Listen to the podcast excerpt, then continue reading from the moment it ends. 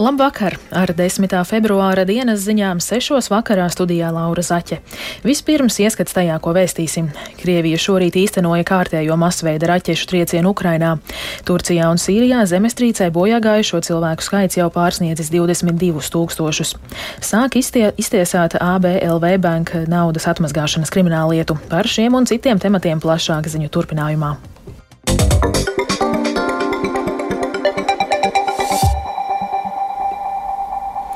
Krievija šorīt īstenoja kārtējo masveida raķešu triecienu Ukrainā. Tajā cietuši gan civiliedzīvotāji, gan civilā un kritiskā infrastruktūra. Par šīs dienas raķešu triecienu un tā sekām plašāk stāsta Rihards Plūme. Jau naktī uz piekdienu Krievija ar droniem un raķetēm uzbruka Zaporižai un Harkivai, kā rezultātā tika trāpīts kritiskajai infrastruktūrai un bija arī cietušie. Tomēr no rīta tika uzsākts masveida raķešu uzbrukums un gaisa trauksme skanēja nu jau visā Ukrainā. Daudz viet darbojās pretgaisa aizsardzība. Premjerministrs Denis Šmihāļs norādījis, ka rietumu, centrālajos un austrumu reģionos nodarīti bojājumi elektroenerģijas tīkliem. Notikuma vietās jau strādā atbildīgie dienesti. Kopumā enerģētikas infrastruktūra cietusi sešos apgabalos. Uzbrukumā cietušas arī četras termoelektrostacijas, kā arī vismaz divi to darbinieki. Daudz viet tiek īstenota ārkārtas energopiegādes atslēgšana, un vissarežģītākā situācija ar elektroapgādi ir Zaporīžies, Harkivas un Hmeļnīckas Donetskas reģionos. Saskaņā ar Ukrainas bruņoto spēku gaisa spēku sniegto informāciju uz Ukrainu no ceturtdienas vakara līdz šodienas masveida trieciena beigām tika palaista 71 raķete, no kurām 61 izdevās notriekt. Yes. Notriekti arī pieci no septiņiem droniem. Virs Kijavas notriektas desmit raķetes. Neviens cilvēks nav cietis. No gaisa ienaidnieks uzbruka ar astoņiem strateģiskajiem bumbvedējiem. Tāpat raķetes tika izšautas no kuģiem Melnajā jūrā. Daļa raķešu izšautas arī no Belgorodas apgabala un no uz laiku okupētā Zaporīžas apgabala. Notikušo komentējis arī Ukrainas prezidents Valdemirs Zelenskis. Ворог сьогодні запустив щонайменше 70 ракет в черговій масованій атаці. pretinieks šodien masīvā uzbrukuma laikā palaida ne mazāk kā 70 raķešu, notriektas ne mazāk kā 60. Mērķis bija civilā infrastruktūra. Diemžēl bija trāpījumi, bija upuri. Izsaku līdzjūtību ģimenēm. Vairākas Krievijas raķetes šķērsoja Moldovas un Rumānijas gaisa telpu. Šīs raķetes ir izaicinājums NATO kolektīvajai drošībai. Tas ir terrors, ko var un vajag apturēt. Pasaulē tas ir jāaptur. Uz Zelenska piemēra pieminēto raķešu ielidošanu Rumānijas un Moldovas gaisa telpā jau šorīt norādīja arī Ukrainas bruņoto spēku virspavēlnieks ģenerālis Valērijas Zelūžnīs. Pēc viņa teiktā, divas Krievu raķetes kalibru šķērsojušas Moldovas un Rumānijas gaisa telpu. Rumānija nav apstiprinājusi šādu informāciju. Tā ir NATO dalībvalsts, un ja šāda informācija apstiprinātos, Krievijas raķešu ielidošana tās teritorijā prasītu alianses reakciju. Savukārt Moldova gan apstiprināja Krievijas raķetes ielidošanu tās gaisa telpā. Rihards Plome, Latvijas radio. Turcijas prezidents Reģeps Tājips Erdogans šodien pirmo reizi atzinis, ka meklēšanas un glābšanas darbi pēc pirmdien notikušajām zemestrīcēm nenotiek tik raiti kā cerēts. Erdogans izpelnījies kritiku no zemestrīcē izdzīvojušajiem par nepietiekamo glābēju skaitu un humāno palīdzību pirmajās dienās pēc zemestrīcēm, kas izvērtušās lielākajā katastrofā Turcijā pēdējos simts gadu laikā. Turcijā un Sīrijā zemestrīcē bojā gājušo cilvēku skaits jau pārsniedzis 22 tūkstošus, no kuriem 19 tūkstoši gājuši bojā Turcijā. Turpina Rihards Plūme. Turcijas prezidents Reģeps Taips Erdogans, apmeklējot zemestrīces izpostīto Adijamanu, atzinis, ka valdības reakcijā uz zemestrīcēm bijuši trūkumi un valdības komandas varēja rīkoties ātrāk. Viņš iebilda, ka tagad Turcija savākusi iespējams pasaulē lielāko meklēšanas un glābšanas komandu, kas sastāv no 141 tūkstoša cilvēku un darbojas desmit provincēs. Erdogans arī brīdināja savus pretiniekus pirms maijā gaidāmajām parlamenta vēlēšanām necensties pārvērst šo šo traģēdiju politiskā ieguvumā.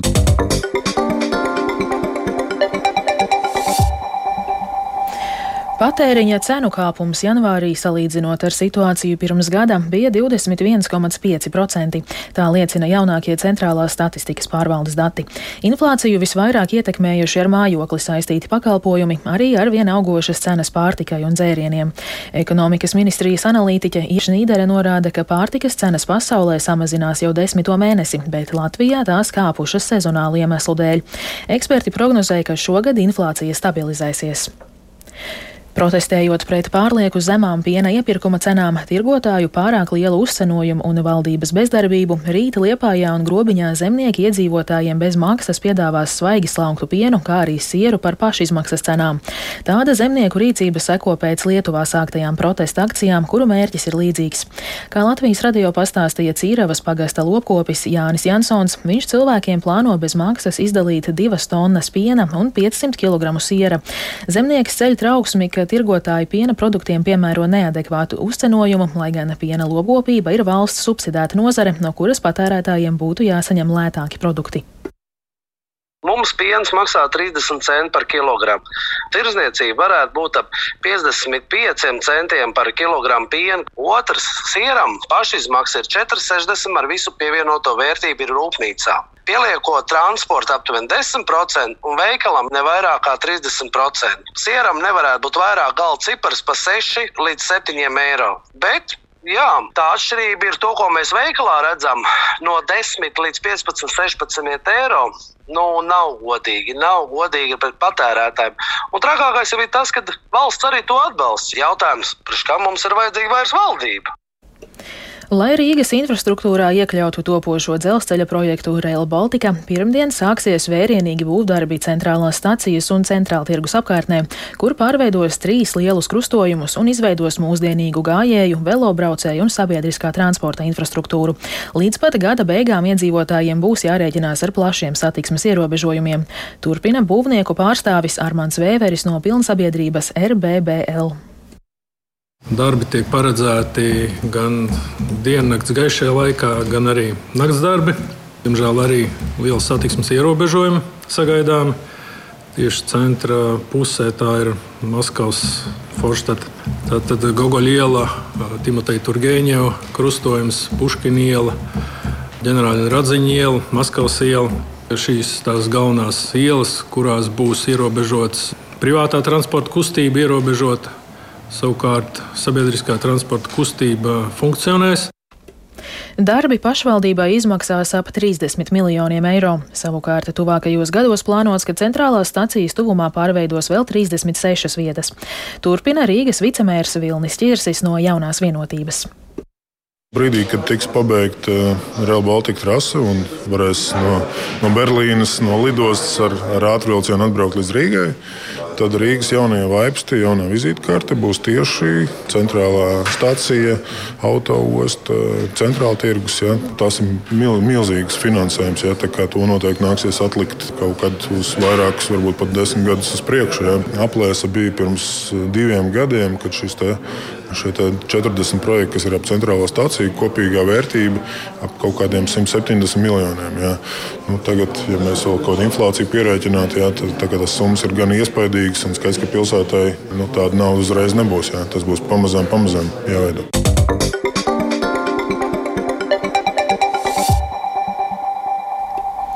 Ekonomisko lietu tiesa šodien sāka iztiesāt vienu no apjomīgākajām naudas atmazgāšanas krimināla lietām Latvijas vēsturē. Par noziedzi, noziedzīgi iegūtu 2,1 miljārdu eiro legalizēšanu vairāku gadu garumā lietā apsūdzēti vairāki ABLV banka bijušie vadošie darbinieki, tostarp bijušais līdzīpašnieks Ernests Bērnis, kas apsūdzību uzskata par politiski motivētu. Vairāk par pirmo tiesas sēdi Lindas Spundiņas ierakstā. Krimināllietā uz apsūdzēto soli kopumā stādušās astoņas personas. ABLV banka bijušais līdzīpašnieks Ernests Bernis, bijušie valdes locekļi Vadims Reinfelds un Aleksandrs Pāža, kā arī bijušie bankas darbinieki Igors Rogovs un Kaspars Dreimanis. Pārējie trīs apsūdzētie Zane Kurzemniece, Marks Špungins un Ārvils Steinbergs. Prokuratūras ieskatā apsūdzētie vairāku gadu garumā atmazgāja naudu lielā apmērā organizētā grupām. Tādā veidā noziedzīgi iegūti vairāk nekā 2 miljardi eiro. Apsūdzības ieskatā Ernests Bernis esot noziedzīgās grupas vadītājs. Viņš savu vainu neatzīst. Neesmu izdarījis nekādu noziegumu. Un vispār apsūdzības būtība man nav saprotama. Pat tagad. Ar ko tad jūs saistāt šīs apsūdzības? Es domāju, politiski motivētas. No 18. gada 1. dienas februāra Finsena paziņojumā izteikušas par to, ka jāseko tiesu prāvam. Ja? Mēs esam šeit. Kas ir šīs amatpersonas? Jūs paši, par, paši parūdiet. Es atvainojos. Prokuratūras sēdes sākumā tiesa lūdza procesu skatīt slēgtās sēdēs, jo saņemti divi pieteikumi no bankas likvidātora, kas satur komercnoslēpumu. Krimināllietas tiesnese Ļubova Kovaļa nolēma, ka daļa tiesas sēžu būs slēgtas tik tālu, cik tas attieksies uz pieteikumiem par komercnoslēpumu. Vēl tiesa saņēma pieteikumu no apsūdzētā Kaspara Dreimeņa, kurā viņš noraida prokuroru Rimantu Kuzmu, pamatojoties uz interešu konfliktu. Abiem ir draudzīgas attiecības. Apsūdzētais ar prokuroru esot pazīstami kopš 2004. gada. Abi strādājuši kopā korupcijas novēršanas un apkarošanas birojā, vēlāk koleģiālas attiecības pāraugušas tuvā draudzībā. Abi gan pēdējo reizi kontaktējušies pirms krimināla procesa uzsākšanas 2017. gadā. Par interešu konfliktu izteicās prokurors Rimans Kuzma. Es nenoliedzu, ka jā, mums ar Kasparu Dreimanu ir bijušas šīs draudzīgās attiecības. Kā jau es teicu, mēs varam, esam piedalījušies arī privātos pasākumos kopā. Nu, man ir salīdzinoši grūti pat izstāstīt emocionāli, varbūt, vai krimināla procesa ietvaros es spējuši attiecībā uz Kasparu Dreimanu veikt kaut kādas noteiktas darbības. Nu, es nevaru pateikt, jo līdz šim es esmu atturējies no tā. Tiesa pēc pārtraukuma paziņoja, ka pieņem drēmaņu noraidījumu, tātad prokuroru Kuzma noraida no dalības lietām. Linda Spundiņa, Latvijas radio. Latvijā lāči ne tikai ieklīsta no Igaunijas, bet no arī vairojas. Par to liecina kāds video ar lāču mazuļiem, kas sacēlis viedokļu vētru sociālās saziņas vietnē Facebook. Dabas aizstāvji aicina lāču vairošanās vietas īpaši aizsargāt, kā arī izglītot sabiedrību par lāču uzvedību. Plašāk Zane Seniņas ierakstā. Mednieku skola Taurs Facebookā ievietojusi video, norādot, ka filmēts Limbaģa pusē. Filmiņā redzams lāču midzenis ar trim pavisam maziem nevarīgiem lācēniem. Video fonā dzirdamas zāģu skaņas. Dabas aizstāvi ceļ trauksmi. Viņuprāt, dabas aizsardzības pārvaldē bijis jānovērš tas, ka kāds tuvojas brūnā lāča, migai vai tās tuvumā veids meža darbus. Turpina biedrības Latvijas ainavas pārstāve Astrīda Note. Ir jānosaka aizsargājums dabas teritorijas. Tā tad vieta, kur lācis var dzīvot, ziemot, vairoties, izvadāt mazuļus. Dabas aizstāvju ieskatā atbildīgajām valsts iestādēm vajadzētu pārbaudīt, kas atgadījies ar lācēniem, kā arī apsargāt migas apkaimi. Dabas aizsardzības pārvaldē iebilst, lāču dēļ aizliegt iet mežos vai visā Igaunijas pierobežā nesot iespējams. Par konkrēto vietu esot pārliecība, ka tai cilvēki vairs netuvosies, skaidro dabas aizsardzības departamenta direktore Gita Strode. Darbinieki pameta visu šo meža nogabalu, tur visi darbi tika pārcelt, nekāda mešaniskā kopšanas darbība vairs nenotiek. Un, ja mēs gribam un vēlamies, lai tā lācena atgriežas atpakaļ, tad tur nevienam tagad nav jāiet un jādarbojas. Latvijā ir 60 līdz 80 lāču. Agrāk uzskatīja, ka tie pie mums tikai ieklīst no Igaunijas, bet šis gadījums apliecina, ka nu tie šeit arī dzimst. Tāpēc Latvijas sabiedrībai jābūt gatavai ar lielo plēsēju sadzīvot, izprotot paradumus un uzvedību, uzskata medniece Linda Dombrovska. Īpaši tas attiecās uz tiem cilvēkiem, kas ikdienā mežā strādā. Valsts meža dienests, dažādi inspektori, Latvijas valsts meži, privātās firmas, kas nodarbojās ar jaunauģu izkopšanu, arī visi tie, kas brauc uz piknikiem uz mežu, staigā ar suņiem un tā tālāk. Visi intervētie ir viensprātis, ka sabiedrība par lāčiem jāizglīto.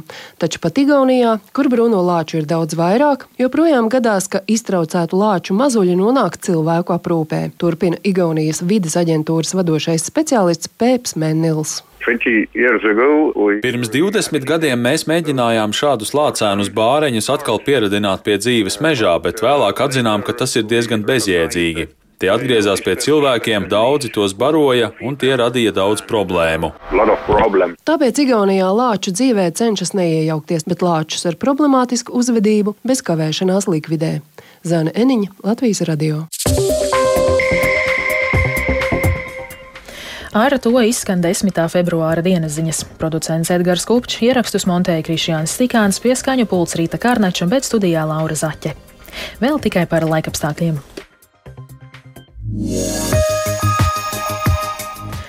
Gaisa temperatūra Rīgā šobrīd ir plus 2 grādi un pūš rietumu vējš 4 m2. Atmosfēras spiediens 768 mm, relatīvais gaisa mitrums 62%, bet par laiku turpmāk stāsta Toms Brīcis. Arī brīvdienās laiks būs vējains. Sestdiena daudz vietā sāksies ar ilgstošiem nokrišņiem, lietu, austrumos sniegu, kas dienas gaitā pāries slapdraņķī un lietu. Temperatūra visā valstī paaugstināsies virs nulles, sasniedzot plus 1, plus 6 grādus. Pūtīs stiprs dienvidu rietumu vējš, kas pēcpusdienā pāries ziemeļrietumu ziemeļvējā, piekrastē brāzmās līdz 20-23 m2. Svētdienas naktī vējš norims, debesis noskaidrosies, arī nokrišņi mitēsies, atgriezīsies sals 0,5 austrumos, minus 9 grādi, bet svētdienas gaitā laikā uzspīdēs saule, mākoņi gan pakāpeniski kļūs vairāk, temperatūra paaugstināsies līdz 0,5 grādiem, un arī nākamnedēļ dienas pārsvarā siltas ar temperatūru 0,7 grādu robežās.